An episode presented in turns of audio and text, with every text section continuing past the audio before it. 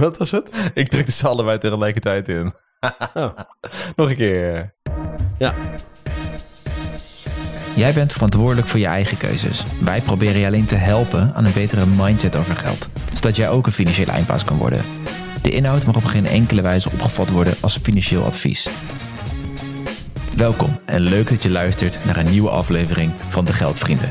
Een podcast voor onze vrienden waarin wij de geheimen delen die van jou een financiële eindbaas maken. Wij vechten tegen iedereen die je qua geld naait. Dat is inclusief je onderbewuste zelf. Tegen iedereen die denkt dat een financieel vrij leven alleen voor de grootverdieners en de workaholics is weggelegd. Nee, het is nooit financieel advies. Hallo, hallo vrienden, we zijn er weer hartstikke fijn. En we zijn weer alleen. Helemaal alleen? Ja, helemaal alleen zijn we. Ah. En heb je... Wat heb je allemaal gedaan eh, de laatste tijd? Het is super lang geleden dat we het op hebben genomen. Het is allemaal jouw schuld, hè? Ja, het spijt me. Ik, Ja. ik had het beter moeten doen. ik vind het ook niet leuk. Nee? Maar het is eh, helaas zo gelopen. En, maar door alle daden komt er altijd weer iets moois voor terug. Godverdomme, joh. Tranen over. Ja joh, Ja, ik zit natuurlijk mooi. in mijn nieuwe huis. Heerlijk, in het groen te kijken. Ja, jij ziet niet waar ik naar wijs, maar eh, Nee. ik zit er echt voor een mooie boom. Ja, het is mooi. Het is mooi. En het is allemaal... Ik zie een netjes gestuukt wandje op de achtergrond. Dit is de enige wand die dus fucking lelijk is. Oh, Dit is, We hebben hier behang eraf getrokken. En Ja. het, ehm, moest eigenlijk meegestuukt worden, maar ehm, we wisten niet zo goed wat we met deze hele bovenverdieping gingen doen. Dus we hebben de eerste, tweede verdieping... de begane grond in de eerste hebben we helemaal gedaan. Echt elke vierkante centimeter is uiteindelijk nieuw. Van rioolleiding, echt letterlijk elke leiding. Maar hierboven, mijn kantoor, heb ik alleen even eh, ja, de muren gedaan, de vloer eruit. ehm, ja, even sausen. En dat is het. Maar niet, niet die achterkant gestuukt. Omdat we dit ooit nog een keer helemaal gaan, eh, gaan eh, opnieuw doen. En we dachten, oh, dat kunnen we zelf. Dus hadden ze zo'n pauper ding, muurglad gekocht om te kijken. Kunnen we daar oneffenheden mee uit de muur halen? Ja, Als je dus ja. goed kijkt op deze muur. Ja. Ja, is echt heel lelijk. Ah, Oké. Ja, dat is niet, niet goed gelukt. Dus je moet eigenlijk nog één keer stukken. Lekker alabastientje er tegenaan geklapt. Ja, precies. Maar die andere Ja. is gewoon, hebben we het behang laten zitten en eroverheen eh, gesausd. En dat werkt dan wel veel beter. Maar het is gewoon, eh, het is wel erg lekker gewoon een, eh, een eigen huis hebben, man. Ja. Ja man, wat volwassen. ja, het voelt ook heel volwassen. Ja, en daarom zijn we dus ook al een tijdje weg. Want ja, Ja, tijd was eh, schaars. En er, waren, er zijn natuurlijk nog wat meer dingen veranderd, hè? Zeker. Ik, eh, nou ja, moest in één keer ander werk, ander werk eh, zoeken natuurlijk. Ondanks dat ik De zak gekregen. de zak gekregen. Lekker, heel fijn. En eh, dat, was, dat was ook wel een ding. Nou, dat gaf eigenlijk wel gelijk een kickstart hè, om toch wel iets voor mezelf te doen. Want dat wilde ik. Nou, toen ik jou sprak voor het allereerst, toen we elkaar een keer tegenkwamen, dus bijna vier jaar geleden, toen wilde ik dat al een keer doen. Ja. Um, ja, nu dus gewoon echt gedaan. En uh, er was even uitzoeken, hoe ga ik dat doen? Uh, in welke vorm? Nou, en zo gezegd, zo gedaan. Inmiddels uh, ah, één, één opdracht afgerond, die andere loopt. Twee opdrachten teruggegeven. En veel, nou, nu echt, echt aan het zoeken naar van wat kan ik er nog bij doen? Of wil ik er nog iets bij doen überhaupt? Want dit leven zo als, als, als ondernemer, nou ja, zelfstandige, weet ik veel of je het moet noemen. Is dat best wel ja, lekker. hoe, hoezo? Uh, je, je had vorige keer geroepen van, uh, ja, ZZP'er ben je niet. Dat is gewoon, dat, is, dat bestaat niet. Nee, dat is geen, dat, dat is geen wettelijke entiteit of zo. Hè? Dus ZZP'er bestaat niet voor de wet. Oh. gewoon, je hebt gewoon een eenmanszaak. Uh, zelfstandige zonder personeel. Ja, weet je, iedereen met een... Ik vind een eenmanszaak ook een beetje zielig klinken. Ja, dat is, maar dat is het wel. Ik krijg ook een beetje Z-violin uh, gevoel bij. Ja. ik zit helemaal alleen. Helemaal alleen. Ja. Dan zitten we ook nog op afstand, af, uh, afstand op te nemen, omdat jij bijna in Duitsland woont tegenwoordig. Nou, nou, Arnhem. Ik zit in het centrum van Arnhem. Ja, dat is toch gewoon op, op, op, ja, het is wel afstand van half, Duitsland. half uurtje, ja, dat is wel heel chill. Denk jij in Duitsland tegenwoordig? Uh, dat zou wel best kunnen eigenlijk, nu ik erover nadenk. Nee, dat ja. kan nog wel 40 minuten rijden. Ik denk 35 of zo. Ja, precies. Het is wel, het is wel, uh, het is wel echt koopman kak. Want je moet er hard voor werken om, uh, om, ja. om dan... Dan bespaar je twee tientjes op een tank benzine... waarvan je er weer één tientje uitgeeft aan de benzine die je nodig hebt om uh, erheen te rijden. Nee, echt geen idee hoor, maar... Mm -hmm. en, dan, en dan vervolgens ben je daar anderhalf uur voor kwijt. Nou, vrienden, ja, ook dat is besparen. Heb je tijd over? Vind je het leuk om te doen? Let's Moet go het for it. doen. Ja, ja, ja. Maar eh, ik, eh, ik, ik probeer wel weg te blijven bij dat soort eh, gierige oplossingen. ja maar hey. altijd een beetje een pennywise pound foolish eh, oplossing. Ja, klopt. Nee, nee, maar ik, zit niet, ik ga niet in Duitsland denken. Want ik, heb hem, ik zit natuurlijk niet voor niks op deze locatie in Arnhem. Op, op een steenworp afstand van het centrum. We hebben een mooie bakfiets. Ik ben wel de jup die even lekker hier eh, de buurt komt verjuppen natuurlijk. Mhm. Een mooie Ja. elektrische, elektrische bakfiets. Wacht, ik moet... Hebben ze die, vinden ze dat iets bijzonders daar? Nee, nee, drie deuren verderop hebben ze dezelfde. Alleen in, Oh ja. in, in het groen. Dat vind ik minder mooi. Maar ik moet de voortuin nog uitgraven, want ik heb dus wel een achterom. Maar die achterom is, dat is gewoon een haakse, eh is een heel smal pad. En ja, die, bak, die bakfiets kan dan gewoon die hoek niet, niet maken. Een normale fiets past er bijna niet. Dus ik moest een stukje uit de voortuin, eh, uit de voortuin doen. Dus dan moet ik nog uitgraven. Takkenwerk. Ik ben wel blij dat ik in de stad woon, want een grote tuin, dat is echt niet aan mij besteed. Echt waar. Ik, Oh man, maar Wat een in de tuin werken. Ik heb het recent ook nog gedaan. Dat heb ik eh, het- allemaal leuk, weet je wel. Hè? Ga, ga, ga lekker tegel wippen, la- leuk. Ja, echt joh. Wat een tyfusklus is dat. ik heb met de kleren gewerkt. En zo, nee, ik heb best een grote tuin eigenlijk. Voor Utrechtse begrippen zeker. ja? Maar al die, eh, al die 30 bij 30 tegeltjes die daar lagen. Gewoon die simpele standaard dingen. Ja? Hè, voor, voor wie op de een of andere manier gemist heeft. eh, ik, ik woon in een huurhuis in Utrecht. Oh, Ja, sociale huurwoning. lul. maar eh, ja, die 30-30 tegeltjes die daar standaard in de tuin liggen... en die ook bij alle buren er nog ongeveer liggen... Mhm. de meeste mensen hebben echt... Als ze huren, dat snap ik nooit zo goed trouwens. Als je huurt, waarom zou je dan een fucking lelijke tuin houden? Waarom ga je niet... Je huurt ergens al en je, bent er al, je woont er al tien jaar. Ergens in die tien jaar ga je dan toch denken... Man, waarom zouden we hier niet een grasveldje van maken? Of een paar leuke boompjes neerzetten? Of weet ik veel, maak er iets leuks van. Ja, om Het is gewoon je tuin, toch? Je meer, ja, fucking niet terug. Hoe- Je pure weet, winst. je weet niet hoe lang je blijft wonen. Ehm, Nee, maar net alsof je daarmee eh, vet veel eh, waarde toevoegt bij een koophuis. Net zoals, Nee. weet je wel, uiteindelijk gaat het gewoon om het aantal meters en, en de locatie. Ja. En een beetje de staat. Maar eh, een tuin, als je, of je die, als je die opgeknapt hebt, ja, natuurlijk is het, doet het iets voor de waarde van je huis. maar niet heel. Maar dat weegt helemaal totaal niet op. Nee, dat doe je voor jezelf. ja, ieder met En mensen in huurhuizen doen het op de een of andere manier niet. Dingen opknappen, mooi maken. Even, lo- even gechargeerd, hè? Nee, dat klopt. En mensen in koophuizen wel. Maar ik, ja, nee, ik had dus zoiets van: hé, hier liggen tegels, die wilden eruit. Dit moet gras worden, want het wordt ook altijd super heet in de zomer daar in, dat, in de tuin. Ja. En man, man, man, man, man, wat heb ik, daar, heb ik me daarop verkeken, zeg. Ja. Al die fucking tegels eruit. Vervolgens ligt dat op een laag zand. Ja. En, en, en, daar, en, daar, en daarop, daaronder ligt allemaal zooi die ze vroeger vonden ze het gewoon leuk om bij verbouwingen gewoon alles in de tuin te tieven en het Ja, dan als in eh, de kruipruimte storten ze altijd vol met... ja, dat ook, ja. Ja, precies. Niet normaal hoeveel, hoeveel Ja. plastic bakjes en, eh, en, en andere klerenbenden. Weet je, ik, dacht, ik, had, ik dacht echt, ik ga het hier een lijk komen. Ik heb gewoon een tapijt onder de, onder het, eh, onder de grond vandaan getrokken. Fucking tapijt. Dat is toch weird. Een soort persisch tapijt wat half verweerd was. Hm. En eh, nou goed, ga je dat allemaal doen. Dan, heb je, dan kom je er vervolgens achter dat, dat die bodem nog wat liefde nodig heeft voordat je er gras op kan gaan leggen. Dus dan kuub- kuben aarde, vele Ja. aarde. En water, eh, of eh, ook omdat het water er weer uit, moet kunnen lopen. En dan moet je dat ook weer nog goed, goed zien te krijgen met zand daar weer doorheen. En dan ga Ja. je weer dingen afgraven en weer, nou, enzovoort. Echt En hoe weet weken dat mee bezig geweest. En mijn rug is echt... Oh man, wat is dat een klusje hoor. Maar er ligt nu wel dus gras. Ah, dat is wel goed. Maar het is een goede, goede oefening. En ook, heb je veel geleerd ook, of niet? Of valt dat mee? Ja, ja je leert, eh, je leert... Eigenlijk heb ik vooral geleerd dat... We hadden het net over pound foolishness en zo. Ja. Wat ik heb geleerd is, ik had die tegels eruit moeten trekken. Mhm. Stukje afgraven. Nee, eigenlijk niet eens. Tegels eruit moeten trekken. Een hovenier moeten bellen. En zeggen of kost dat. en dat gewoon laten doen. En dan zelf in die tijd die ik daarin gestopt heb... Gewoon, weet ik veel. Lekker voice-overs opna- opnemen, stukjes schrijven, mezelf verdiepen in ChatGPT of weet ik veel. Iets doen Ja. wat mij geld eh, of, eh, of eh, vooruitgang oplevert. En eh, iemand anders daarvoor betalen. Dat Ja. had ik moeten doen. Ja, terecht. Ja. Ik terugkijkend op die verbouwing. eh, ik heb eigenlijk alles met hout zo'n beetje zelf gedaan hier. Dus van ombouwen van de wc's, plafonds tengelen, dichtmaken. ehm, ja, dat soort dingen allemaal. Alle ruwbouwdingen hebben we zelf gedaan. Scheiding van vet, het hoor. Dat is wel heel leuk. Maar daar word je wel fan van.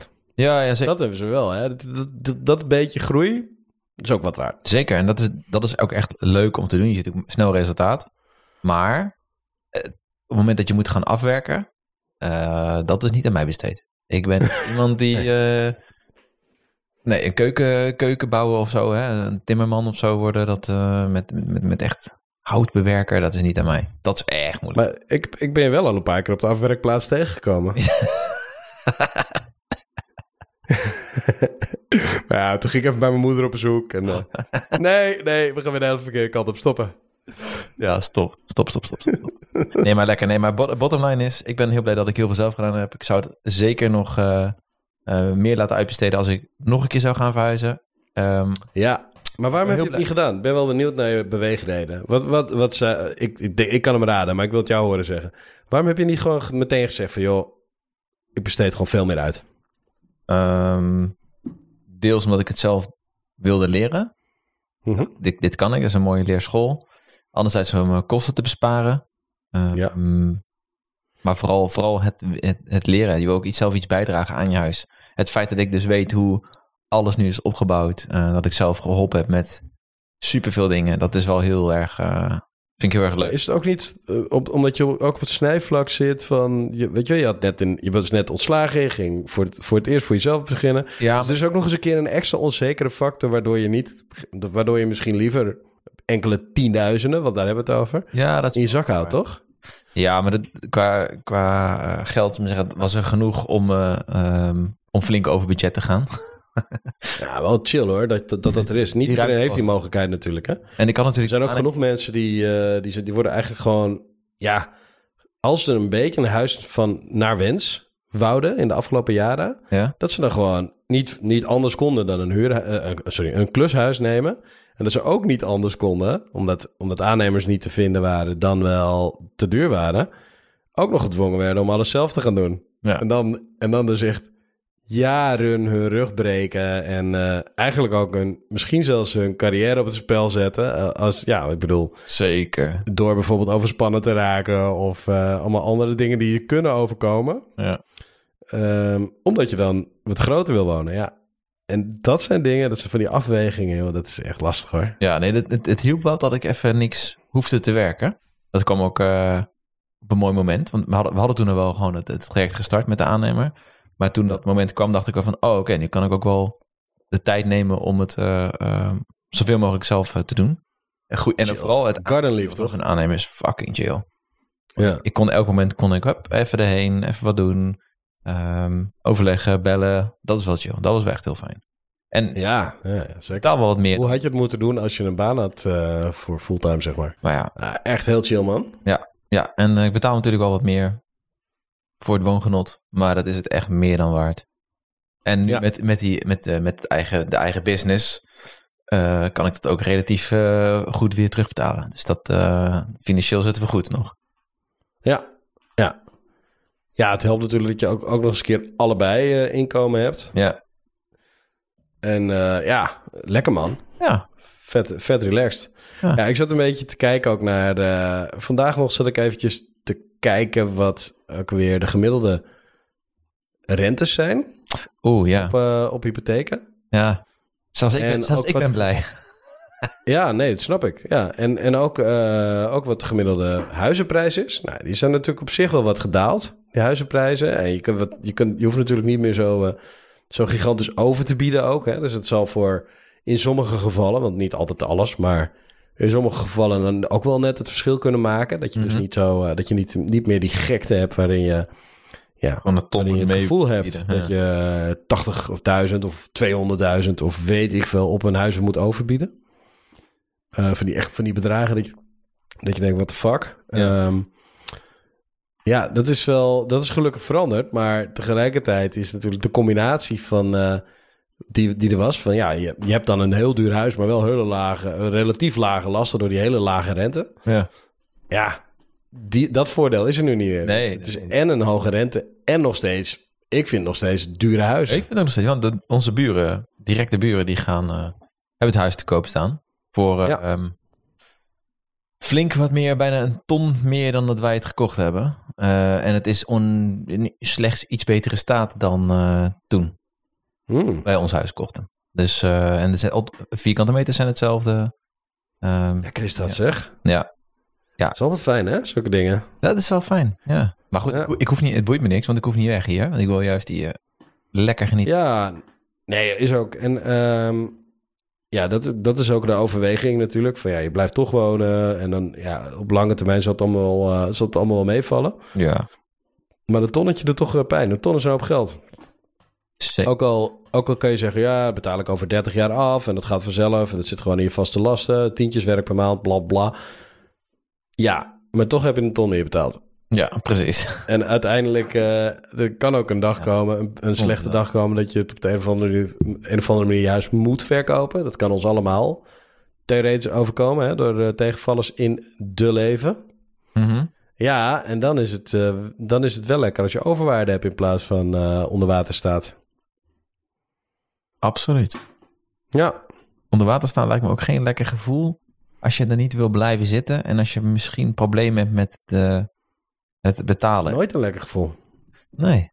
Nee, het is... Als je hypotheek hoger is dan de waarde van je huis. Nou, er zijn nu niet, niet zo heel veel mensen die die situaties kennen, maar Die dat, he- dat, dat, zijn natuurlijk, eh, dat zijn natuurlijk wel een aantal jaren geweest. Hè? Zo ergens tussen 2010, 2014.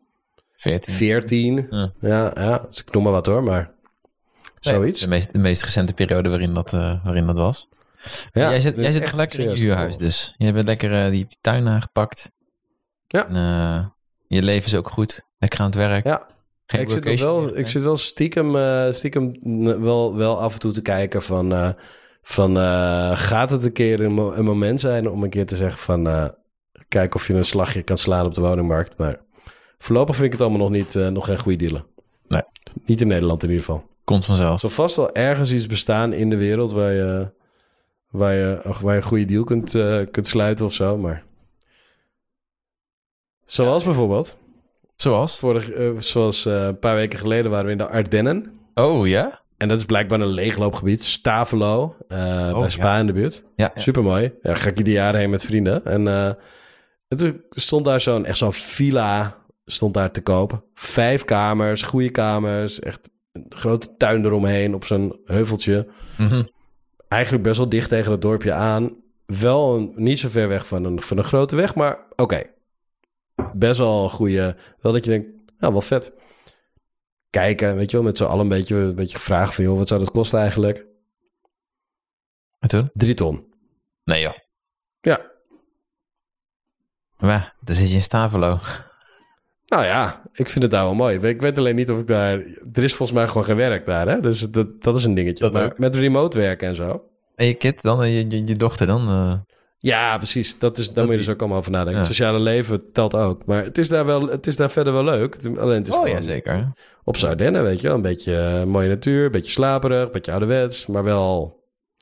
Ja, wel, wel gewoon heel mooi. Ja, het is zeker geen, eh, geen schande om daar te wonen. Nee. Precies. Alleen of ik het Ja, goed. voor mijn kinderen zou doen, dan... Dit plaatje wel een soort van isolement gelijk. Ja, nou ja, goed. Dat is bij jouw kinderen misschien geen gek idee. en in België in een iso... Nee, nee, gaan we weer bijna verkeerd.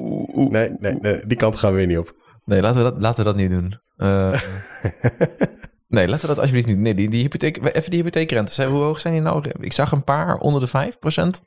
Maar de meeste Ja. zijn ruim erboven voor 100% ehm Ja, ik weet het niet. Eh, ik denk dat, dat je het pas weet op het moment dat je echt in gesprek gaat met een hypotheekadviseur. Ja, ja tuurlijk. En eh, eventjes eh, voor de helderheid. Nee, je hoeft niet naar, eh jazeker de hypotheker. Je kunt ook gewoon je, eh, gewoon je bank bellen. Ja.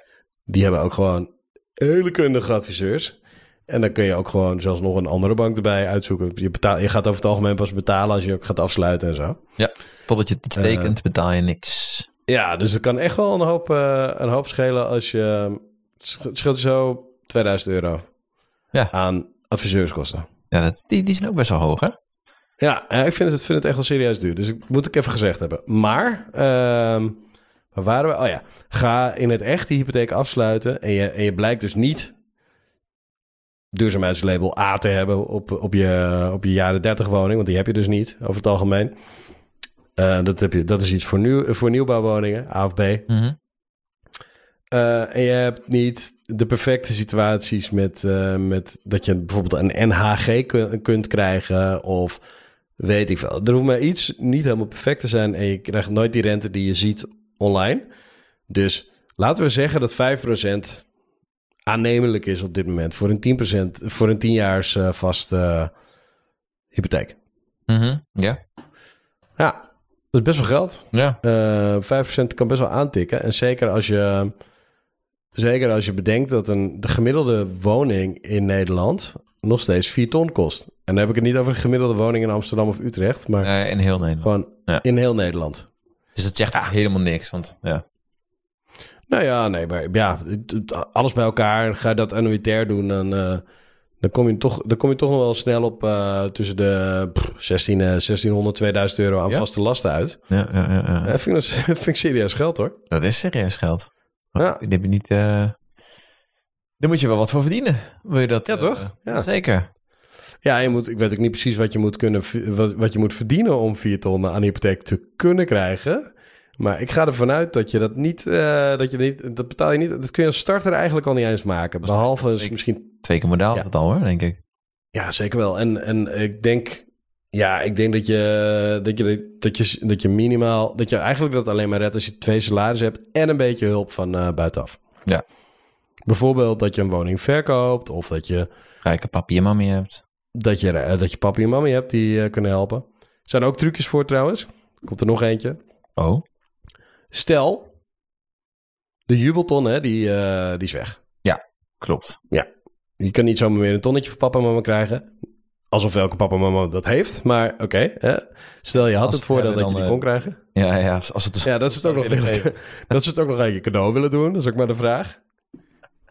Ik heb net nog een slechte grap gemaakt over mijn eigen moeder. Ik kan dit dus al niet meer. Dus, Nee, eh, nee. Ehm, maar, maar als je, stel dat is de situatie, dan kon je een jubelton krijgen, belastingvrij, eh schenking van je ouders om een huis van te kopen.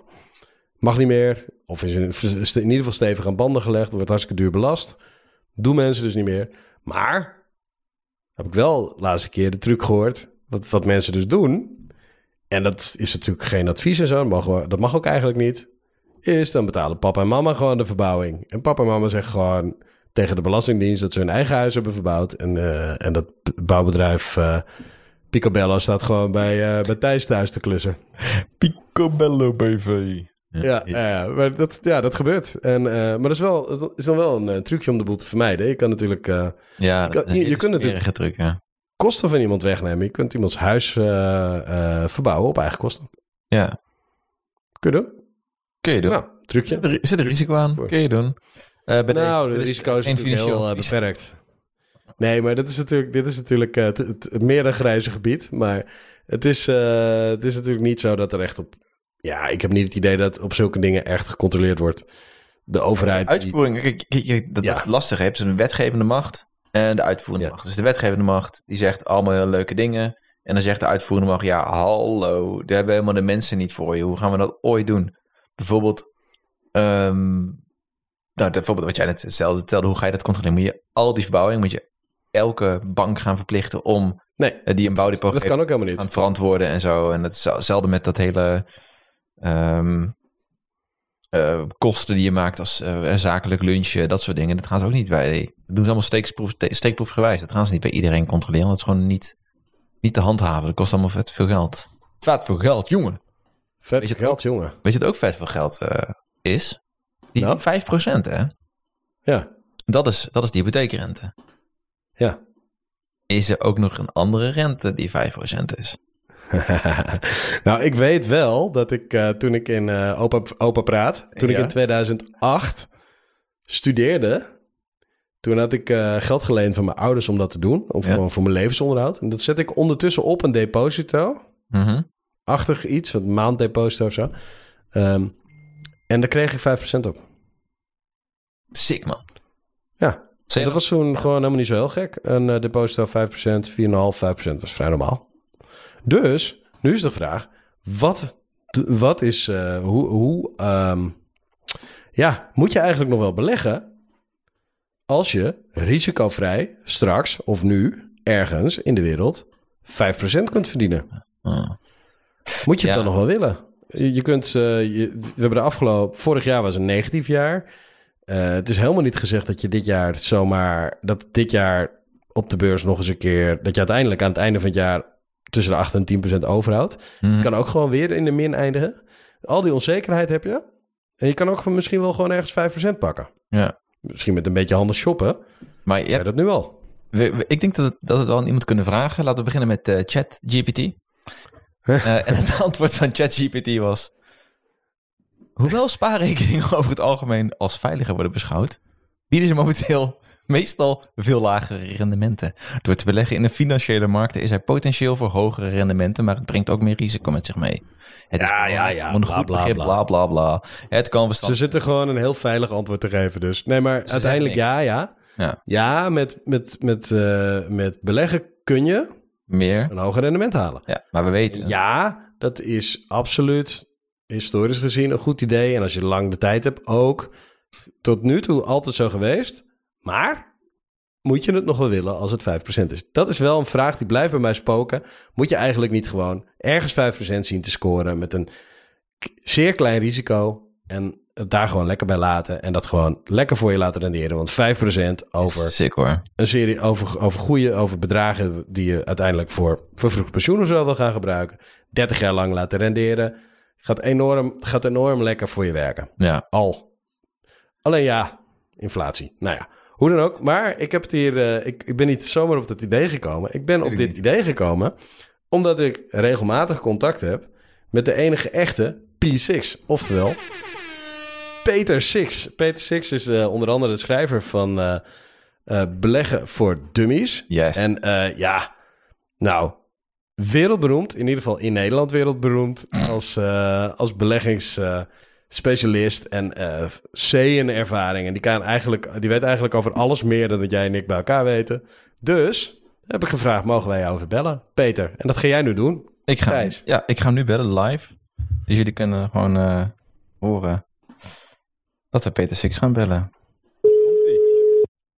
Ik ben heel benieuwd of die opnemen. Het is wel spannend. Peter? Hallo Peter. Ja? Hallo Jeroen. Hey, je spreekt met Jeroen en Thijs. Ja, live in de podcast. Nou, wat leuk. Wat leuk. Hartstikke goed. Ja, we hebben je net uh, voorgesteld uh, aan onze luisteraars. Als uh, auteur ja. van Beleggen voor Dummies en wereldberoemd in Nederland als de beleggers. Wereldberoemd in Nederland bij een klein aantal mensen. Zoiets, ja. Ja, ja, ja. Zoiets. Ja. Nou ja, ik, uh, ik hoop dat iedereen die, die gaat beleggen minimaal uh, Beleggen voor Dummies heeft gelezen, Peter. Ja, dat hoop ik ook. Nou, het is, uh, kijk, we hebben de eerste editie in 2012 geschreven. En daarna is hij nog een aantal keren is hij geüpdate. En eigenlijk moeten collega Hans Oudhoorn en ik weer, weer aan de gang om hem weer up te daten. Mm -hmm. um, maar een van de leukste complimenten, dat was toch wel iemand die zei ik beleg nu al 25 jaar in dit boek. Als ik dat nou 25 jaar geleden had gelezen, dan had me dat een heleboel geld gescheeld. ja, dus dat, ja, dat vond dus ik een mooi compliment. meer aan het, uh, aan het uh, handelen dan aan het beleggen, gok ik zo? Nee, nee, nee, nee, nee. Want ik denk dat er ruimte is voor zowel hè, lange termijn beleggen en als je het leuk vindt ook wat actiever handelen. Maar dat is gewoon een, uh, dat zijn eigenlijk twee verschillende dingen die je dan doet. Maar het wordt natuurlijk door de meeste mensen allemaal onder één noemer geschaard. En dat is beleggen. Um, maar dat betekent voor een heleboel mensen wat anders. En ik maak een heel duidelijk onderscheid tussen, nou misschien zelfs een beetje saai beleggen voor de lange termijn. En dan gaat het heel erg over goed spreiden, lage kosten. Uh, en dan de lange adem.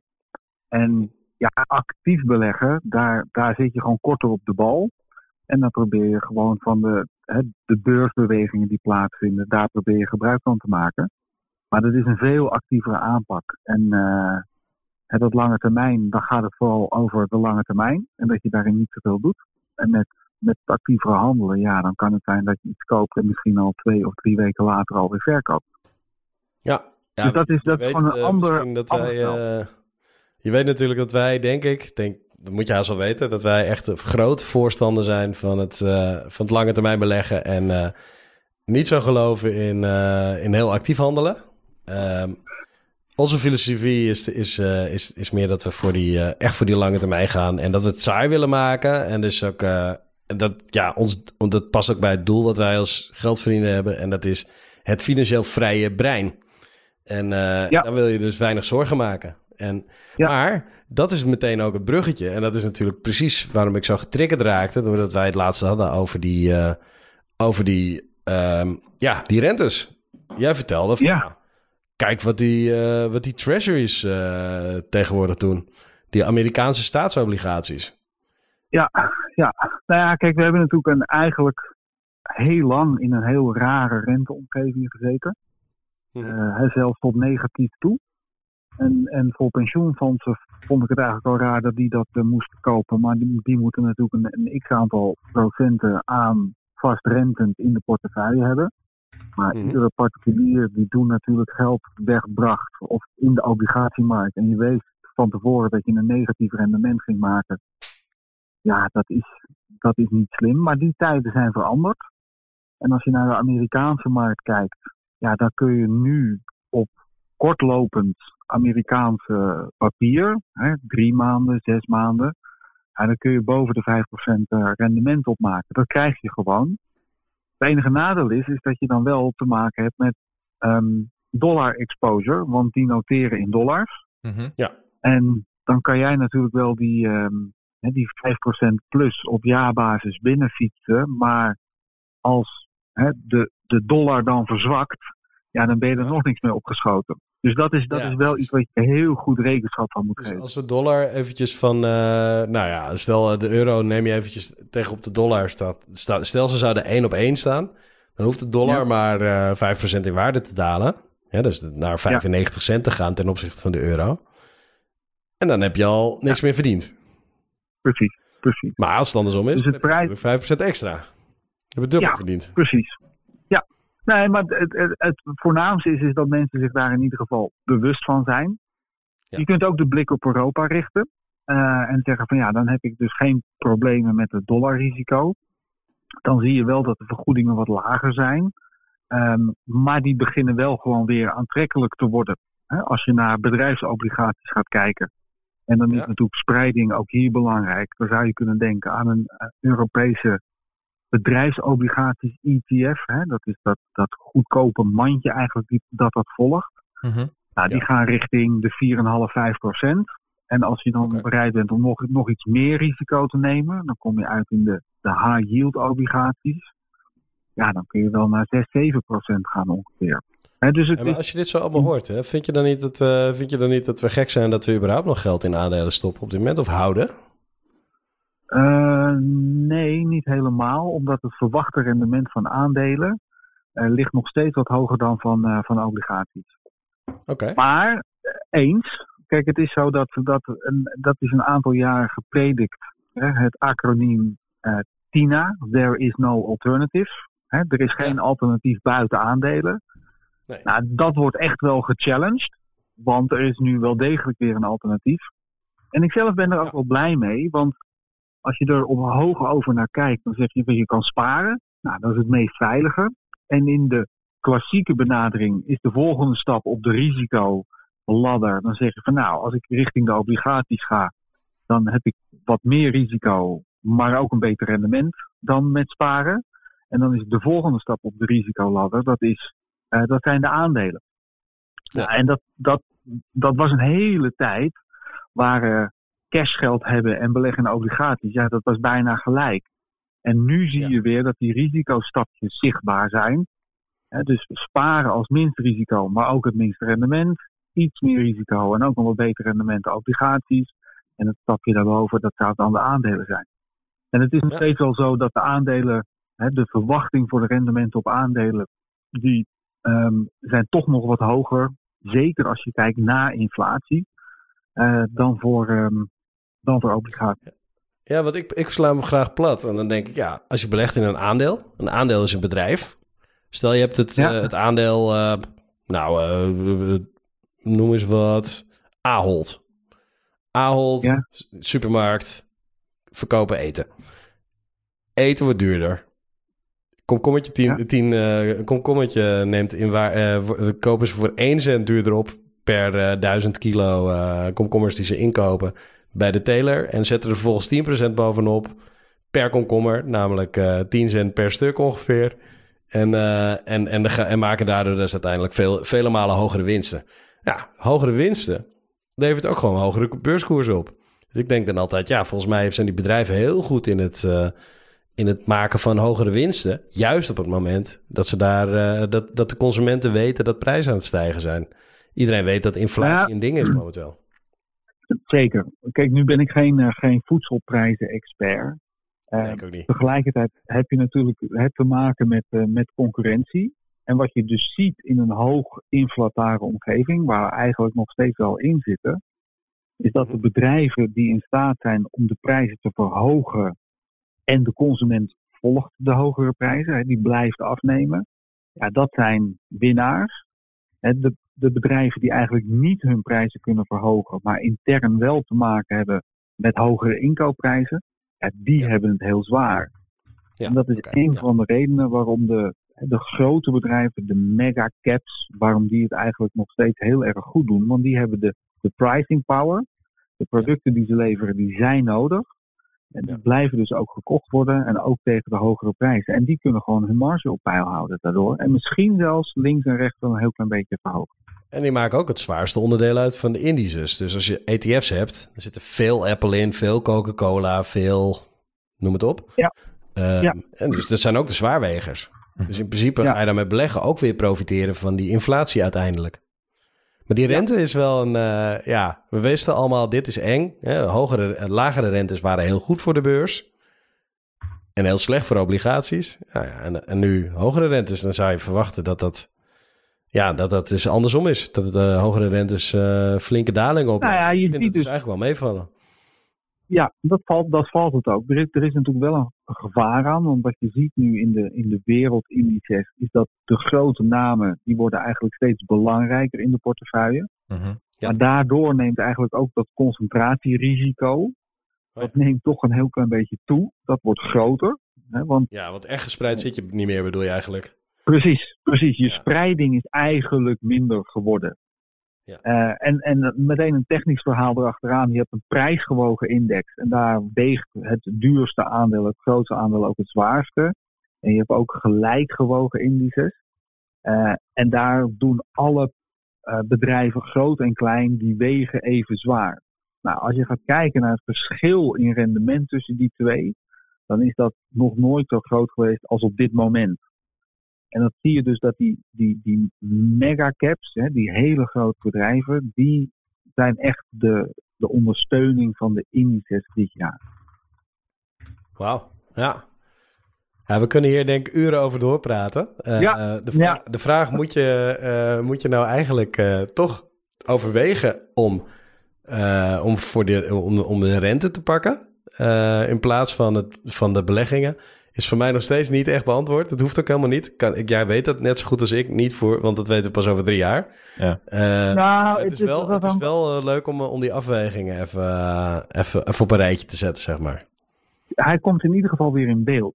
Hè, waar hij Ja. twee, drie jaar geleden niet in beeld was. Hè, om iets te doen aan obligaties. Want dan was het echt met een lantaarntje zoeken in het aanbod.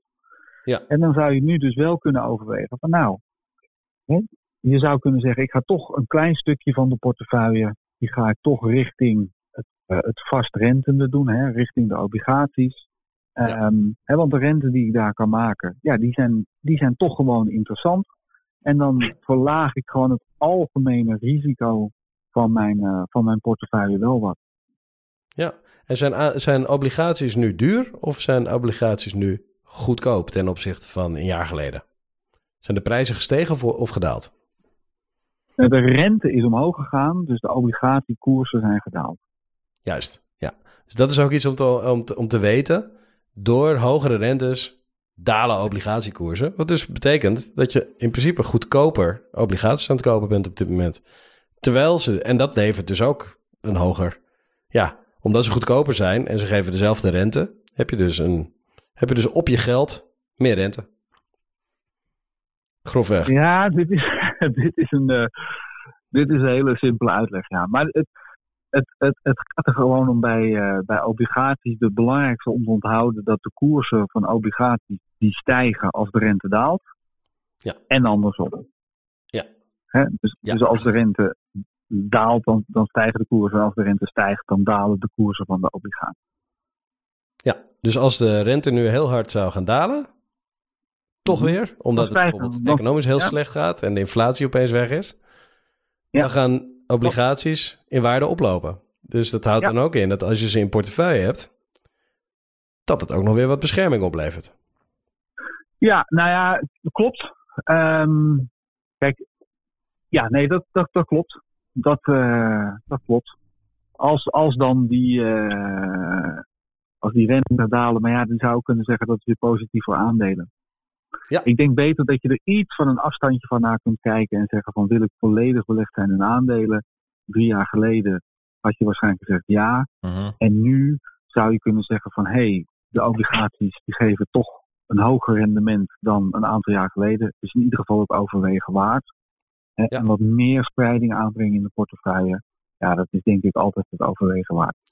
Boom, dat is het antwoord. Ja. We hebben hem toch? Ja. ja.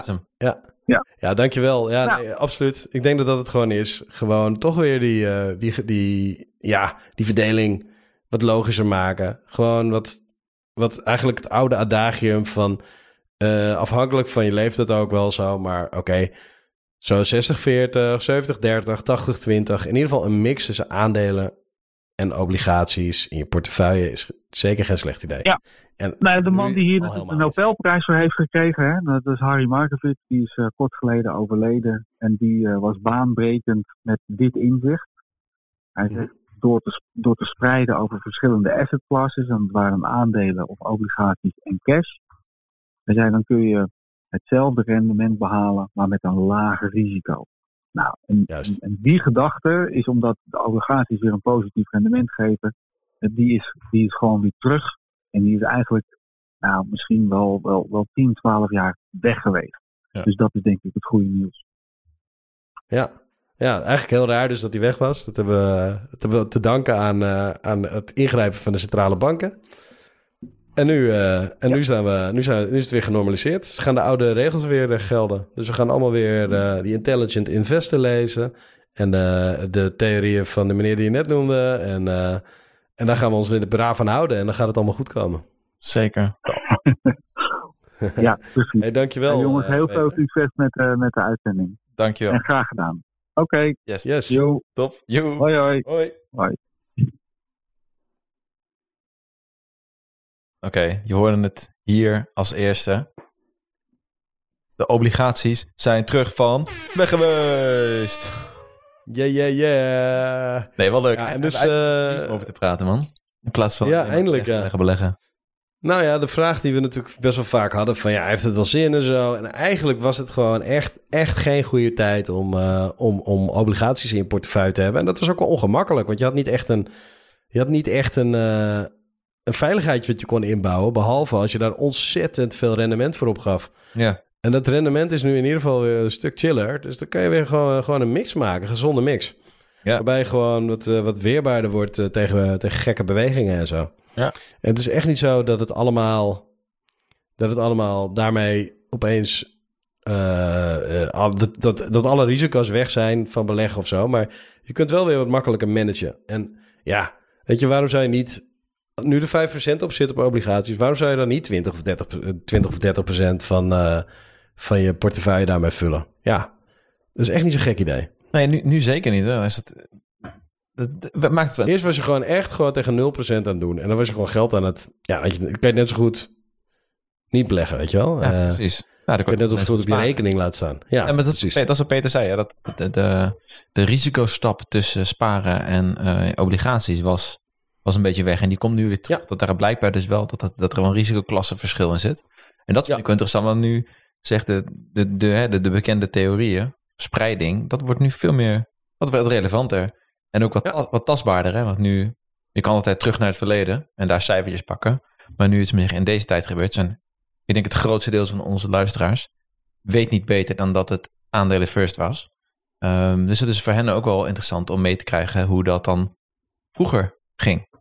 En, Ja. en dat vind ik ook wel leuk om daar wat meer dan... eh, ja, dat, dat, Ja, zo zie je dat die bakken ervaring van zo'n Peter Six... Prachtig toch? Dat die, dus, eh, Ik heb even die weet gewoon hoe het, hoe het was en wat normaal is en zo. En er zijn dus mensen die zijn dus gewoon begonnen met beleggen. Ja. Nou, die hebben, een- die hebben, die hebben in, in 2017 of zo hebben ze een keer wat gelezen over de FIRE-beweging. Zijn, eh zijn als een gaan beleggen in ETF's. Ja. En die weten niet dat er ook, dat er ook andere methodes zijn om het te doen. En, Ja. en beproefde methodes inderdaad, die door allerlei Nobelprijswinnaars en zo eh, getest zijn. En waar ontzettend slimme, ontzettend goed over na is gedacht. Zoals pensioenfondsen ook nog steeds moeten handelen verplicht. En dat Ja. dat nu weer gewoon de manier kan zijn. Ja. En dat is goed. Dat, dat, meer En dat weet je Ja. nog steeds pas over vijf jaar of over tien jaar, wat je beste keuze was. Ja. Ja. Maar het, is wel, het, het, het voelt nu wel als een eh, compleet logische keuze om, eh, om, die, om die spreiding ook weer te zoeken. Dus Ja. Niet alleen maar zoveel mogelijk verschillende aandelen, maar ook aandelen en obligaties en een beetje spaargeld. Ja, het, het is meer dat idee dat als je inderdaad in die periode eh, bent begonnen met, eh, met lezen en kijken, dan dacht je, wow, het is eh, wat een sukkels die iedereen die obligaties heeft. Maar eigenlijk komen die mensen er nu ook achter van, oh, maar er zit eigenlijk wel wat in. Ik denk dan altijd aan de all-weather portfolio van Ray Dalio bijvoorbeeld. Of Ja, nou, je moet wel even weten, Thijs, als je zeg maar de, de obligaties op het verkeerde moment kocht, ja. dan had je dus een laag rendement omdat ze duur waren. En dan heb je, heb je nu gewoon een min in je portefeu- portefeuille Nee, staan op die dat- obligaties. Hè? Dat, dat weet ik, dat weet ik. Alleen dat het is wel interessant. Dus toen moest je ze waarschijnlijk gewoon inderdaad niet kopen de afgelopen drie jaar, Ja, afgelopen vijf jaar. Dat is helemaal terecht. Maar het is leuk Ja. om te zien dat, dat die wereld dus verandert. En dat er dus dat, dat, een, eh, dat, dat de economie ook geen. Eh, het altijd dus eh, in beweging is. Hè? Op zoek naar een evenwicht, of weet ik hoe dat heet. Ja, ja, Ah. ja. En het even, evenwicht is in ieder geval, dat kunnen we wel zeggen, echt grondig verstoord door, alle, in- door, alle, door alle, al het ingrijpen van de centrale bankiers. En we hebben nog nooit zoveel ingrijpen gehad, weet je, al die geldcreatie en al die grappen. Ja. Dat is natuurlijk uiteindelijk gewoon de reden dat we, dat we nu pas inflatie hebben op producten. Is echt bijzonder, want eh, al die jaren dat geld gecreëerd is, is het eigenlijk alleen maar gaan zitten in de waarde van, noem het op, aandelen, Ja. huizen, tweedehands auto's, donutdukverzamelingen, noem het op. Alles is duurder geworden, Ja. behalve je boodschapjes. En je, maar ja, nu zien we dus ook de energieprijzen en al die grappen. Alles, helaas, is gewoon duurder aan het worden. Ja. Echte inflatie heeft, is helaas eh, aan het toeslaan. En eh, ja, het was natuurlijk gewoon een kwestie van tijd dat het een keer ging gebeuren. Je kunt niet oneindig geld blijven bijdrukken en verwachten dat alles even goedkoop blijft. Nee, zeker niet. Nee, Ja. het is eigenlijk wel goed dat dit, eh, dat dit gebeurt. Dat we daar ook even Ja, en dingen normaliseren een beetje. En eh, wat, ook, wat, wat Peter nog niet benoemd had, maar wat ook gaande is, is dat op de beurs. ehm, daar was al, we hebben wat daling gezien op de beurs, vooral vorig jaar. Ja, klopt. En ook dit jaar is het nog niet zo heel geweldig. Maar dat, dat is ook allemaal wat de beurs doet. Het is vooruitlopen op verwachtingen. En de verwachting was hogere rentes. En als je de beurs hogere rentes verwacht, gaan aandelen goedkoper worden. En dat is dus al gebeurd, hè? Dus dat is al ingeprijsd. Dus het is niet meer priced to perfection, zoals het dan heet. Het is gewoon priced to... Ja, het is dus eh, de, die prijzen die zijn gewoon van die aandelen, die zijn gewoon wat gedaald, omdat we weten dat het dus ook anders kan en dat er dus alternatieven weer beginnen te ontstaan.